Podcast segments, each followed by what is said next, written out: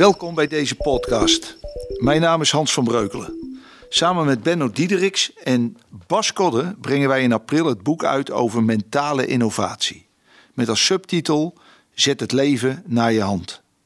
Dit doen wij in samenwerking met uitgeverij Thema, de online leerreis van New Heroes, Schouten Nelissen en met Bibian Mentel, de tweevoudig Paralympisch kampioene snowboarden. In de aanloop naar de lancering van ons boek zullen wij als warming-up met mensen in gesprek gaan die ondanks hevige teleurstellingen en bijzondere gebeurtenissen in hun leven toch de regie hebben weten te houden. Met vallen en opstaan. Iedere twee weken een andere hoofdpersoon die met ons zijn of haar belevenissen wil delen naar aanleiding van de pijlers van mentale innovatie. Deze week ga ik in gesprek met John Kokke, sterrenchef, bekend van het restaurant De Heer Kokke in Vught, 52 jaar jong. John, fijn dat je er bent. Dankjewel. En dat je je levensverhaal met ons wilt uh, gaan delen. Zeker. Uh, toch wel bijzonder in deze tijd, corona. Vorig jaar, vorig jaar maart, zouden jij en Christy, je vrouw, stoppen met jullie restaurant. En dan corona. Precies. Wat is er met jou, met Christy, persoonlijk en met het restaurant gebeurd? Uh, nou, bij het begin te beginnen. Het, uh, het, kind moest natuurlijk al een tijdje geboren worden dat wij zouden stoppen met de zaak. Dat heeft sowieso niks te maken met tijdstip. We hadden zoiets van, wij willen rond die, we willen daar een beetje naartoe werken dat we in begin 2020 gaan stoppen. Toen hadden we eigenlijk een hele drama kerst met personeel wat niet werkte en een hoop stress. En toen keken we elkaar aan in de kerstvakantie. Toen dachten van, vinden we dit eigenlijk nog wel leuk? Nou ja, natuurlijk. Maar ja, je hebt ook een soort lifestyle. Hè. Je, hebt, je moet toch die kinderen voeden, bla bla bla. Heel veel reden om te zeggen, we gaan nog wel even door. Maar we hadden zoiets van, nee, we gaan het gewoon niet doen. Genoeg meegemaakt ook op uh, privégebied met ziektes en zo. Allemaal heftige dingen. Dus hadden zoiets van, we hakken gewoon die knoop door. En wij gaan gewoon, begin januari gaan we onze gasten vertellen, familie en via social media, dat wij gewoon gaan stoppen. Toen zouden we nog even uit gaan draaien. Dat wil zeggen dat we de laatste twee maanden van uh, ons bestaan, zeg maar februari, maart, alleen de donderdag, vrijdag en zaterdag zouden Dat moest een feestje worden voor dat jullie moest een feestje klanten, worden. We hadden natuurlijk allemaal een soort planning gemaakt wie er dan zou mogen komen. Ja. Lekker één menu voor een spotprijs, lekker wijntjes bij. Totdat meneer Rutte op 15 maart uit mijn hoofd volgens mij op zondag besliste van dat alle restaurants dicht mochten, moesten. Dus ja, twee weken voor ons sluiten werd dat drastisch gedaan. Ja, moesten we gewoon stoppen. Dus ja, einde oefening. En toen? Toen uh, heb ik gedacht van ja, weet je, dan gaan we maar dat, uh, dat, uh, dat die grand finale gaan we op een ander tijdstip doen. Maar goed, ook nooit verwacht natuurlijk dat die pandemie, corona, zo lang zou duren. En nu zitten we hier inmiddels bijna een jaar verder en het is nog het is er niet beter op geworden. Hoe ben jij die, hoe ben je dat jaar doorgekomen? Wij zijn dat jaar doorgekomen. Eigenlijk, ja, weet je, eigenlijk, eigenlijk wel heel bijzonder. Omdat heel veel mensen dachten natuurlijk, is ook wel eens aan me gevraagd. Die zeiden van, heb je dit aanzien komen of zo, weet je wel? Ja, tuurlijk heb ik aanzien komen. Maar ik wil er sowieso al andere dingen gaan doen buiten ons restaurant, zeg maar private dining. Dus ja, als je nu een beetje terugkijkt, uh, uh, het nieuwe restaurant is natuurlijk private dining. Dus ja, weet je, wij zijn nu zo gezegend met leuke dingen en uh, we doen eigenlijk de dingen die we eigenlijk al wilden doen. Het is misschien wel een mooie stap, want wij komen nog wel op momenten, de redenen waarom je uiteindelijk gestopt bent. Mm -hmm. Je noemde ook privé ja. zaken. maar ik wil beginnen eigenlijk met de eerste pijlen, dat is bevlogenheid. Mm -hmm. Uh, waar komt die bevlogenheid voor koken bij jou vandaan? Eigenlijk heel grappig. Hè? Soms als kind hè, heb je natuurlijk van wat, wat als ik later groot word. Hè? Ja.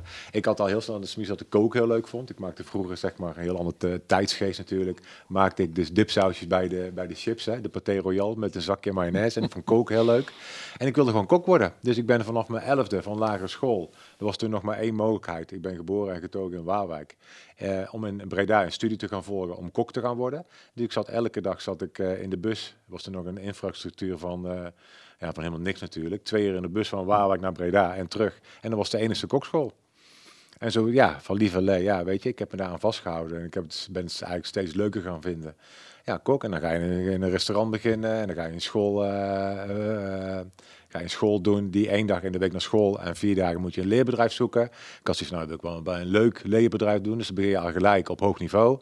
Waarom op hoog niveau? Ja, ik had zoiets van, ik wil niet in een bistro of zo werken, met alle respect, weet je wel. Ik wil dan wel hoog beginnen en toevallig kreeg ik de kans bij de Pettelaar destijds in een bos te beginnen, met één ster. En ik weet nog heel goed toen ik daar begon, drie dagen in de week parttime, maar dat was niet meer werk toen, dat die chef Johan van Bladel destijds, die, die leeft nog steeds overigens, die vroeg van, wil jij niet fulltime komen werken bij mij? En ik was van fulltime. Ik had net een brommertje, weet je wel, ik was 16 jaar, fulltime. Nee, natuurlijk wil ik dat niet, want ik vind het eigenlijk wel lekker zo, die vier vrije dagen, hè, zeven dagen in de week. En die man was zo teleurgesteld. Ik had zoiets van, oh, ik heb hem gewoon beledigd. En het feit dat hij aan mij vraagt, wil je vijf dagen komen werken, is natuurlijk echt een compliment. Maar ik zag het als meer werk, zeg maar. Wat heeft die bevlogenheid jou gebracht uiteindelijk? Nou, eigenlijk al heel veel. Ik denk dat dit vak, eh, ondanks dat het denk ik in je bloed moet zitten, heb je die bevlogenheid natuurlijk wel heel erg nodig. Ik zou het ook niet anders kunnen. Ik denk dat soort dingen, en eh, dat, eigenlijk vind ik dat in elk vak, en zeker in een creatief vak, uh, moet je bevlogenheid hebben. Dat moet jou sturen, dat moet jou de kracht geven, de energie. Want A, je wordt niet echt rijk in de horeca. De uren moet je ook niet gaan tellen, want dan word je ook knettergek. Het moet gewoon, die bevlogenheid moet je gewoon bezitten. En misschien nog wel meer dan 100%. Wat is het mooiste dat jij in je leven kan bereiken? Uh, ik denk hetgeen wat ik nu bereikt heb. Ik heb nu een beslissing. Ik praat even in de bijvorm, ik en mijn vrouw Kirsty. Ik denk dat uh, wij een beslissing hebben genomen die niet beter had uit kunnen komen. Ik denk dat ik eindelijk de, uh, de rust in mijn hoofd heb gevonden om gewoon nog meer te genieten van koken zonder al te veel stress en financiële problemen.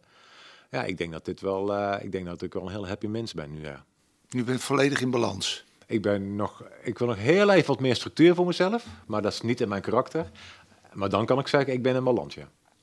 Want uh, ondernemerschap is vooral ook vrijheid. Terwijl je het, aan de andere kant je de pleuris moet werken. Ja, je bent er dag en nacht mee bezig. Ja, ik heb het eigenlijk nooit zo ervaren hoor, die vrijheid. Maar er komt nog eens bij dat mijn karakter een behoorlijk please gedrag zit. Hè. Ik vind het heel fijn om mensen het naar de zin te maken. Het is natuurlijk heel fijn als je lekker bij mij zit te eten of als ik hier voor ben. Maar het is natuurlijk ook wel fijn om een keer als baas zijnde, om een goed team te leiden. Om eens een keer met die vuist op tafel te slaan en te zeggen wat jij nu echt wil. En daarin heb ik afgelopen jaren wel eens een paar keer verzaakt. Hoor. Ik heb echt wel een heel keukenteam om zeep geholpen. Door niet die lijnen te geven en door niet te durven of te kunnen praten. En dat heb ik nou natuurlijk niet meer nodig, want ik doe het allemaal in mijn eentje. Ja, ja. En daarin wil ik niet zeggen dat ik een Einzelganger ben of zo. Hè. Maar ik vind het eigenlijk wel oké zo. Fijn, ja.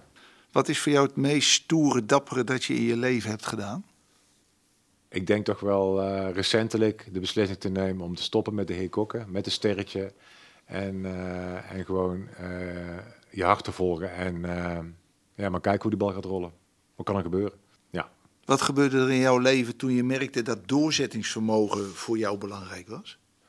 Um, ja, een soort bevrijding of zo. Vooral in je bol, zeg maar. Ik vind het altijd heel moeilijk. Ik krijg er ook vaak heel erg uh, hulp bij van mijn partner, zeg maar. Want ik ben ook wel een type die ook wel eens verzakt in zelfmedelijden. Ik vind zelf dat ik vaak alleen maar te hard werk en zielig ben, weet je wel. Maar het is ook iemand die... Uh, en met name een goede partner die zegt van kom op, en die zeiken, gewoon lekker doorgaan. En daardoor krijg je vleugels. Dan ga je weer de dingen doen die je leuk vindt. En, ja, en ook uh, goed tot uiting brengt, zeg maar. Maar je bent ook een, een jaar of vier geleden getroffen door nierkanker. Ja. Uh, wat betekende op dat moment? Wat, wat, wat, wat, wat gebeurde er toen met je? Nou, dat uh, moment was wel heel heftig hoor. A, vond ik destijds dat ik daar te jong voor was. En soms denk je, weet je wel, kanker is toch een ding waarvan je zelf denkt dat over gaat jou niet overkomen. Maar toen ik, ik had last van nierstenen, even in detail getreden dan, en kwam bij de dokter en toen bleek dus nierkanker te zijn. Ja, wat gebeurde er toen? Eigenlijk is dat wel heel raar, want van mijn diagnose nierkanker tot mijn nier verwijderen zaten twee weken. Dus ik was eigenlijk van doodziek, was ik voor mijn gevoel weer helemaal gezond. Dus ja, dit is eigenlijk een beetje aan mij voorbij gegaan. Maar dat moment moet er toch een keer uit. En ik weet nog heel goed dat we een jaar later, denk ik, met z'n twee bij je Garage zaten eten. Toen nog van Jo Braakakker. En ik aan Kirsty vroeg van, wat had je eigenlijk gedaan als het fout was gegaan? Weet je, dat ik misschien was overleden of zo. Nou, was ze echt een heel plan qua, klaar. Met onze kinderen waren toen nog klein van ballonnetjes de lucht in en bla bla. Toen heb ik gewoon anderhalf uur te janken volgens mij in Le Garage. gewoon dat er toen alles uitkwam, zeg maar. En daarna ben ik toch kwijt, kwijt. Gewoon, ja, toen was ik toch, het was, het was, het was ook klaar, weet je wel. Ik vind het leven te leuk. Dus uh, gewoon uh, gas erop en doorgaan. Nee, ik heb daar dan achteraf weinig last van gehad hoor. Omdat het zo kort was. Ja, dat denk ik. Ja. Ik heb natuurlijk, ja, met alle respect, geen chemo gehad. Ik heb mijn haren niet verloren. Ik ben eigenlijk niet doodziek geweest. Ik moet je zeggen, toen mijn ziekte nog niet geconstateerd was, was ik 25 kilo afgevallen. En ik was altijd een beetje van de dikke, eh, dikke kant, zeg maar. Dus ik vond me eigenlijk wel stoer. Ik krijg een beetje een sportlife, weet je. Ik dacht, nou, ik kan mee, snap je? Maar helaas. Ben jij voor je gevoel wel eens gevallen in je leven? Dat je echt uh, denkt van wat is me nu overkomen? Dat, dat je met je kop tegen een muur uh, gelopen mm bent. Dat je dacht van uh, echt een, dat je vertrouwen even weg was. Je zelfbeeld naar beneden. Nee, ik kan het me niet echt voorstellen. Maar als het zo zou zijn, zou het misschien in mensen zijn. Snap je? Dat ik dat ik teleurgesteld ben in, in mensen om je heen.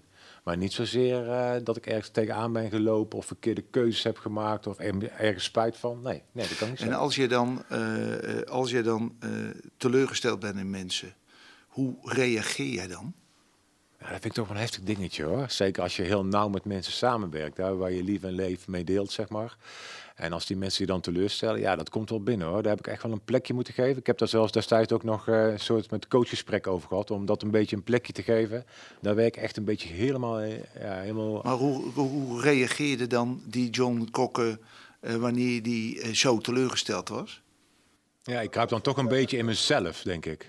ik word dan toch wel een beetje, ik plaats me dan toch een beetje op de achtergrond. En ga er dan eens even goed over nadenken. Ik probeer het te vormen in mijn hoofd. En daarna ja, gewoon een plekje geven onder het motto van uh, slikken en weer doorgaan. Ja, wat moet je dan mee? Ik bedoel, en dan die afscheid nemen van die mensen. Ja, maar, dat is wel heel moeilijk. Het is ook een leerproces en een lang proces. Het klinkt nou heel makkelijk, maar dat gaat natuurlijk niet binnen een week of zo. Want dat, misschien dat deze vraag daar wel mooi op aansluit. Wat heb je in de loop van je leven door gebeurtenissen aan positieve eigenschappen ontwikkeld? Ondanks dat het wel eens niet leuk is. Ja, wel heel veel denk ik. Ik denk dat ik sowieso wel een heel positief mens ben. Mijn glas is altijd half vol. Zeg ik dat goed? Ja, half vol hè? Anders kun je hem altijd bijschrijven. Ja, precies. Toch? Bij, dat kan sowieso. maar goed, dan doe ik dan ook liefst, liefst zelf. Ja, ik, heb de, ik, ik ben zelf wel heel positief ingesteld. Ik heb eigenlijk nooit van die downers of zo. Nee. Nee, morgen is nooit beloofd. Dus gewoon, eh, nee, ik ben echt positief. Ja, wat, wat, vind, wat vinden anderen krachtig aan jou? Ik denk dat doorzettingsvermogen. Ik denk de, uh, de energie die ik heb. Ik ben eigenlijk nooit moe. Ik blijf altijd geven. En uh, ik vind het ook leuk om mensen constant in een watten te leggen, hoe moe ik zelf ook vaak ben. Ja, ik denk dat soort dingen dat ze dat wel heel uh, krachtig vinden aan mij. Ja. En de positiviteit. Ja. Wat kreeg je vroeger te horen waar je niet blij van werd? um, nou heb je het over vroeger als kind, neem ik aan, toch? Uh, dat ik te veel en te dik was. Dat ik me te veel druk maakte om dingen die er niet waren. Dus beren op de weg zien. Hè?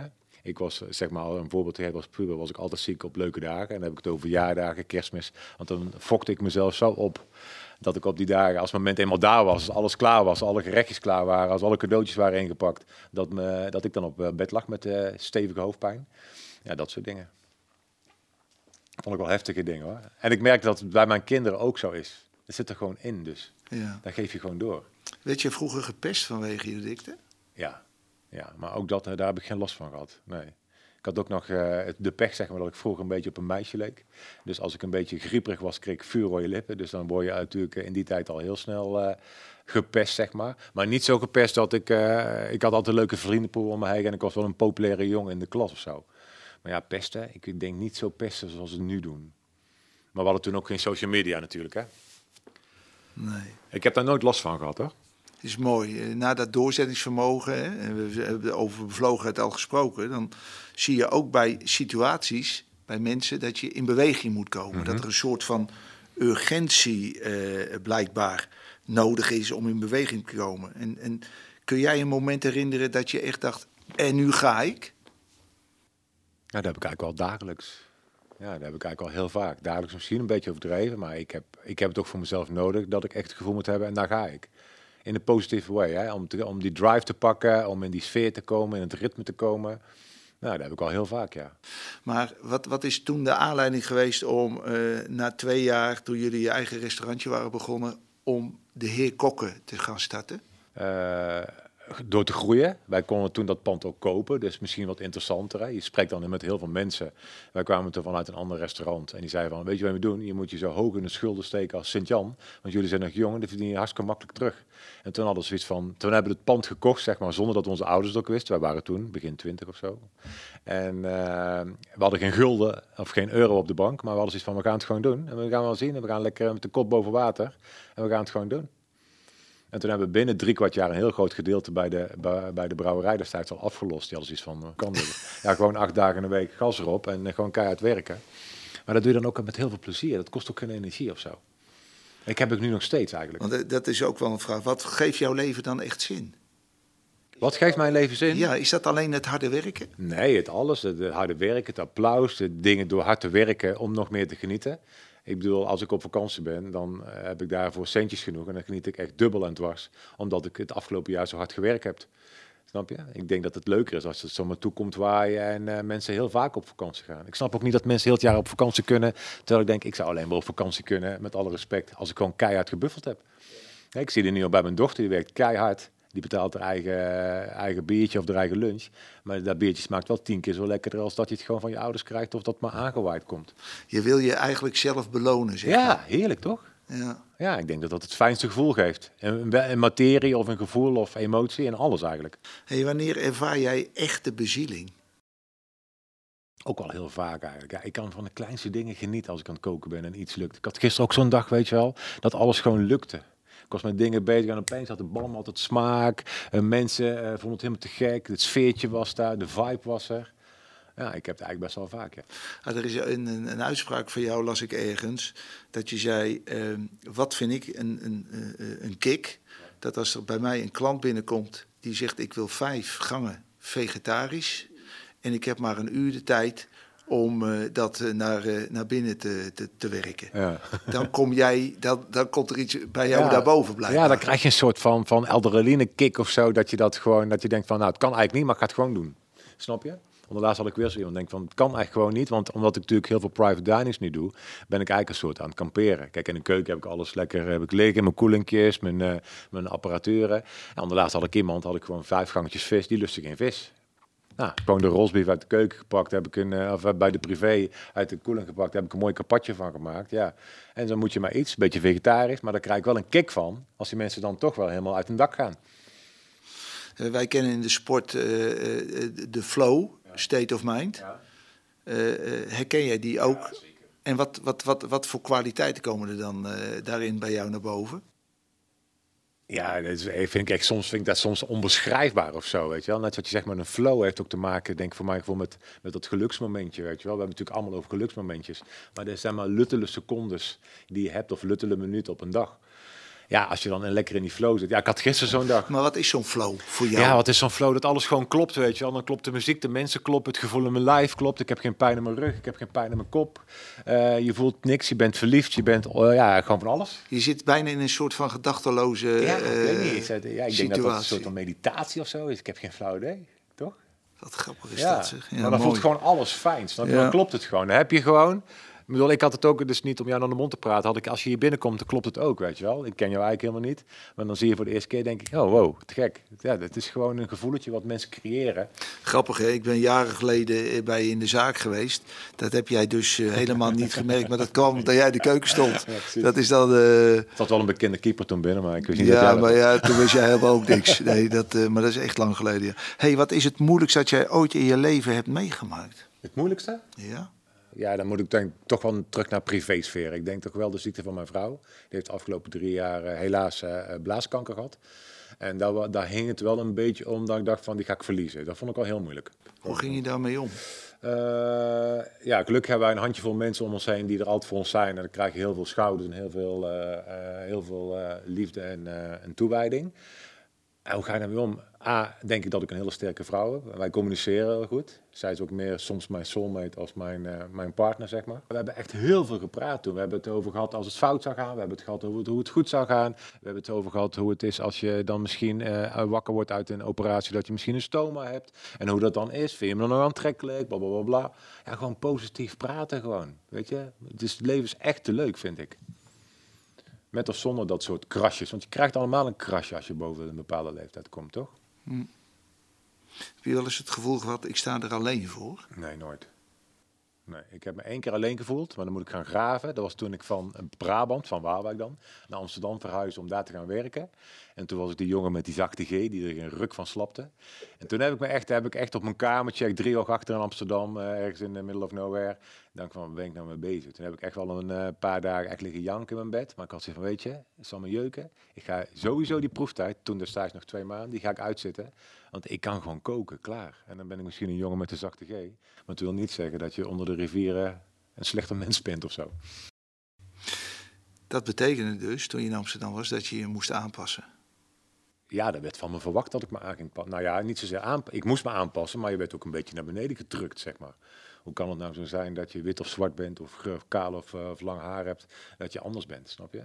Ik was een jongen met die zachte G die niet koken kon. Dat is voor mij geen, Maar daar kwam, er, daar kwam er dus een, een, een, een, een, een, een gevoel bij je naar boven. Een, een, een soort van inner talk. Ja, Dat je eigenlijk zei van ja, joh, ook al kom ik uit Brabant, ja. dikke neus drie bier. ik zal het jullie laten zien. Nee. ja. Aan welke regels moest jij je vroeger houden? Als kind zijnde, weet je dat nog? Ik heb eigenlijk wel een hele makkelijke jeugd gehad. Mijn vader was een voetbalfreak, was een scheidsrechter ook. Oh ja. Ik moet je het enige wat ik me nog een beetje kan herinneren, dat eh, toen hadden we toen nog maar één zwart-wit tv. Ik voel me nu echt heel oud. en dan keken we dan ons ding op. Ik heb één zus en met mijn moeder. En dat mijn vader zeg maar van het voetbalterrein afkwam op zondag en om zeven uur sport wilde zien. En dat daar zonder, eh, zonder pardon zeg maar gewoon knop 1 werd ingedrukt.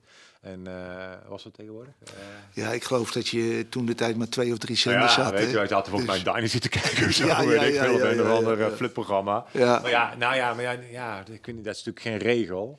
Ja, nee, wij hebben eigenlijk wel heel, eh, ja, nee, ik heb niet echt aan regels over gehouden. Nee. Hey, en wat- Misschien dan meer voor mezelf, snap je? Dat ik mezelf regels oplichte die er gewoon niet zijn of waren. En, eh, hoe bedoel je dat dan precies? Nou, dat ik gewoon de beste wilde zijn, dat ik het beste kon koken, dat ik het, eh, het snelste was, de, de jongen eerst gekozen bij, bij gym, zeg maar, zoiets. Snap je? Dat vind ik ook wel regeltjes waarvan ik denk, oh, hè? Maar waar komt dan die ongelooflijke gedrevenheid, die, die absolute wil om de beste te zijn, waar komt dat dan vandaan? Eh, Kun je dat terugvinden in je vader en je moeder, eh, de, de combinatie, hoe, Nee. hoe je opgegroeid bent? Nee, ik, ik hou ontzettend veel van mijn ouders, maar dat zijn geen gedreven, ambitieuze mensen. Ik denk dat ik gevormd ben in Amsterdam. Ik denk toen ik de keuze maakte, toen was ik, even kijken, ik had net mijn rijbewijs, 18 jaar. Toen ben ik naar Amsterdam gegaan, en wat ik je net al vertelde, met die jongen met die zachte G. Maar daar ben ik wel gevormd. Ik denk, als ik daar niet was geweest, was ik nog gewoon de boy next door geweest in Brabant, die nog eh, misschien in hetzelfde dorp woonde als hij geboren was. Maar wat is daar dan gebeurd, man? Want die, die drijf, je zei zelf als kind zijnde, wil, wilde je eigenlijk al graag de beste zijn. En dat is alleen maar versterkt in Mhm. Versterkt, Amsterdam. Ja, ja, zeker. Omdat ik juist zo wilde zijn, daar gebeurde het toch een beetje. Ja, een soort, Was dat niet ook een kwestie van absoluut willen waarmaken of zo? Ook dat, ja. Misschien zelfs wel je ouders willen bewijzen dat jij wel bovenuit kunt stijgen. Ja, zoiets denk ik, ja. Welke positieve eh, elementen heb je van je ouders wel meegenomen? Eh, ik denk dat ik eh, van mijn moeder het positieve element heb genomen dat een mensenmens is. Mensenmens is, zeg maar. Dus houdt van mensen. Ik hou ook van mensen, maar dat vind ik ook bijna gerelateerd aan mijn vak. En van mijn vader, ja, ja het rustige misschien. Het, ja, dat kan ik niet, eigenlijk niet, zo, niet zozeer zeggen. Ik wil niet zeggen dat mijn vader een positieve man is hoor. Maar dat is gewoon een hele, ja weet je, gewoon een hele steady man, weet je wel. Gewoon- Stabiel. ja, weet je, die vraagt nog steeds met alle respect om half negen om zijn kopje koffie. En als het vijf over half negen is, heeft hij ja, dan klopt het weer niet, snap je? Dus ja, weet je, die is, ik, die is heel snel tevreden. Ik ben niet snel tevreden. Ik denk dat er veel meer te halen is in het leven. En dat blijkt, want het komt op op je pad. Ja, op het moment, want jij, jij je komt in iedere keer hè, eh, tegenwoordig in een, een andere situatie terecht. Eh, eh, er wordt verwacht dat je overal aanpast. Ja. Herken je emoties bij jou wanneer je moet aanpassen? En welke emoties zijn dat dan? Ik denk dat ik ze wel herken. Ik zou ze niet 1, 2, 3 op kunnen dreunen of zo. Maar ja, voor mij is dat bijna een tweede natuur, snap je? Ik pas me gewoon aan. En eh, ja, dat voelt bij mij ook helemaal niet als eh, ondergeschikt of, of armoedig of zo. Nee, ik vind dat gewoon fijn. Ik vind het fijn als mensen naar de zin hebben. Ik heb natuurlijk wel mijn grenzen.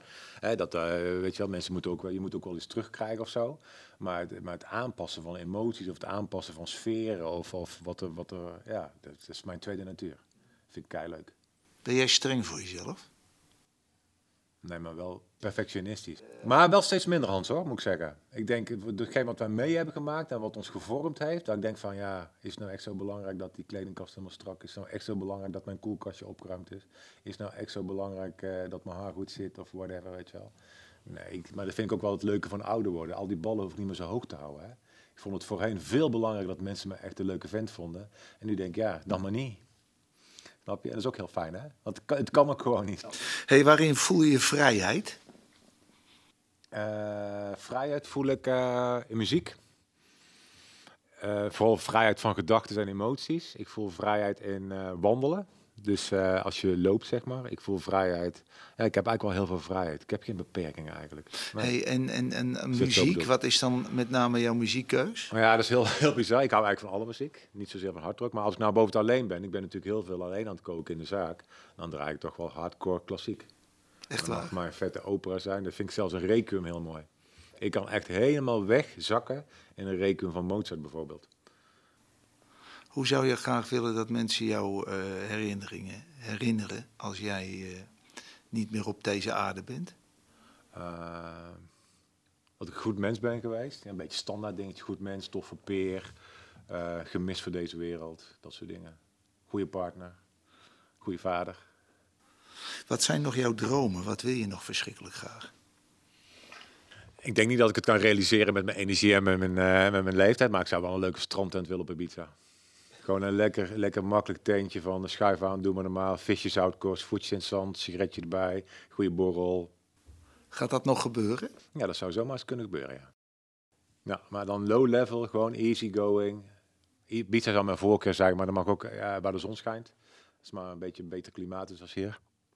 Ja, dat soort dingetjes. Eh, deze vragen, dat is de laatste van die pijlers, is zelfeffectiviteit. Hè? Als je nou dat, uh, wat maakt de zelfeffectiviteit belangrijk voor jou? Uh, moeilijke vraag vind ik. Zelfeffectiviteit. Uh, de vragen zijn, maar, zijn vaak makkelijk, John. Het gaat vaak om de antwoorden. Ja, ja, ja. ja, ik heb hier een klein spiekbriefje gemaakt. Ik, bedoel, uh, ik heb daar gezegd, ik heb er geen gebrek aan. Ik pak alles aan. Eerst vormt het in mijn hoofd. En dan komt het van lief alleen naar buiten. Maar goed, iets, iets wat in jouw hoofd gebeurt, kunnen mensen vaak niet lezen of begrijpen. Dus ik denk dat het ook heel vaak heel irritant voor mensen is. Want ik leg dat ei dan opeens, snap je? Ja. Uh, wat vind jij eng of moeilijk om los te laten? Nee, ik laat maar heel weinig dingen los, denk ik. Nee. Je wil overal grip op houden. Ja, dat wel. En soms glippen dingen door je, door je heen. En dan heb ik nogmaals met name over gezondheid en dat soort dingen. Nou ja, daar heb je dan geen grip op. Ja, nee, maar voor de rest heb ik, uh, ben ik nergens angst voor om los te laten. Hoe word jij baas, de baas, over jouw plannen? Door zelf de regie in handen te nemen. En gewoon te doen wat je hart zegt. Goed of slecht. Gewoon go with the flow. Gas erop. Als, je, als, je, als ik je nou nog de, de laatste vraag mag stellen. Hè? Uh, als je nou, uh, je bent 52 jaar jong. En je hebt nog een, een prachtige droom. Mm -hmm. Ibiza, mm -hmm. strandtent. Ja. Uh, te, tje, oké. Okay. Maar als ik aan jou vraag, waar heeft het leven jou voor uitgevonden? Wat voor, wat voor antwoord zou je dan geven? Ja, ik denk om ja, iets toch wel toe te voegen aan de mensheid. Ja, door lieflijker te zijn en uh, uh, ja, gewoon het allemaal wat, wat, wat makkelijker te maken. Ja, dat soort dingetjes, weet je wel. Hey, ik wil jou bedanken voor jouw verhaal. Waarin we de vijf pijlers van mentale innovatie te sprake hebben gebracht. Bevlogenheid, dat spat er aan alle kanten uit. Jouw doorzettingsvermogen, zowel als mens, maar vooral ook als ondernemer. Beweging komen, je blijft constant in beweging, ja. is mijn uh, ervaring. Dat vraagt je vak ook, hè? Ja, Toch? dat geloof ik graag. Dat moet je stoppen, denk ik. Aanpassingsvermogen, met name iedere keer ook uh, de periode dat je in, in Amsterdam zit en wat dat voor effect heeft mm -hmm. gehad, ja. ondanks dat het best moeilijk was. En toch ook je zelfeffectiviteit. Ja. Terwijl dat wel een moeilijke vraag voor, ja, vind ik echt een voor je was. Vraag. Die heb ik echt moeten googlen. hey, nogmaals dank. Uh, ik hoop van harte dat de luisteraar dit gesprek ook als inspirerend heeft ervaren. Zeker, hoop ik ook. Graag tot de volgende. Dankjewel. Wil je beter leren omgaan met veranderingen? De kracht van jouw brein te gebruiken om het leven naar je hand te zetten? Volg dan de online training Mentale Innovatie. Ga naar www.newheroes.com en start vandaag nog.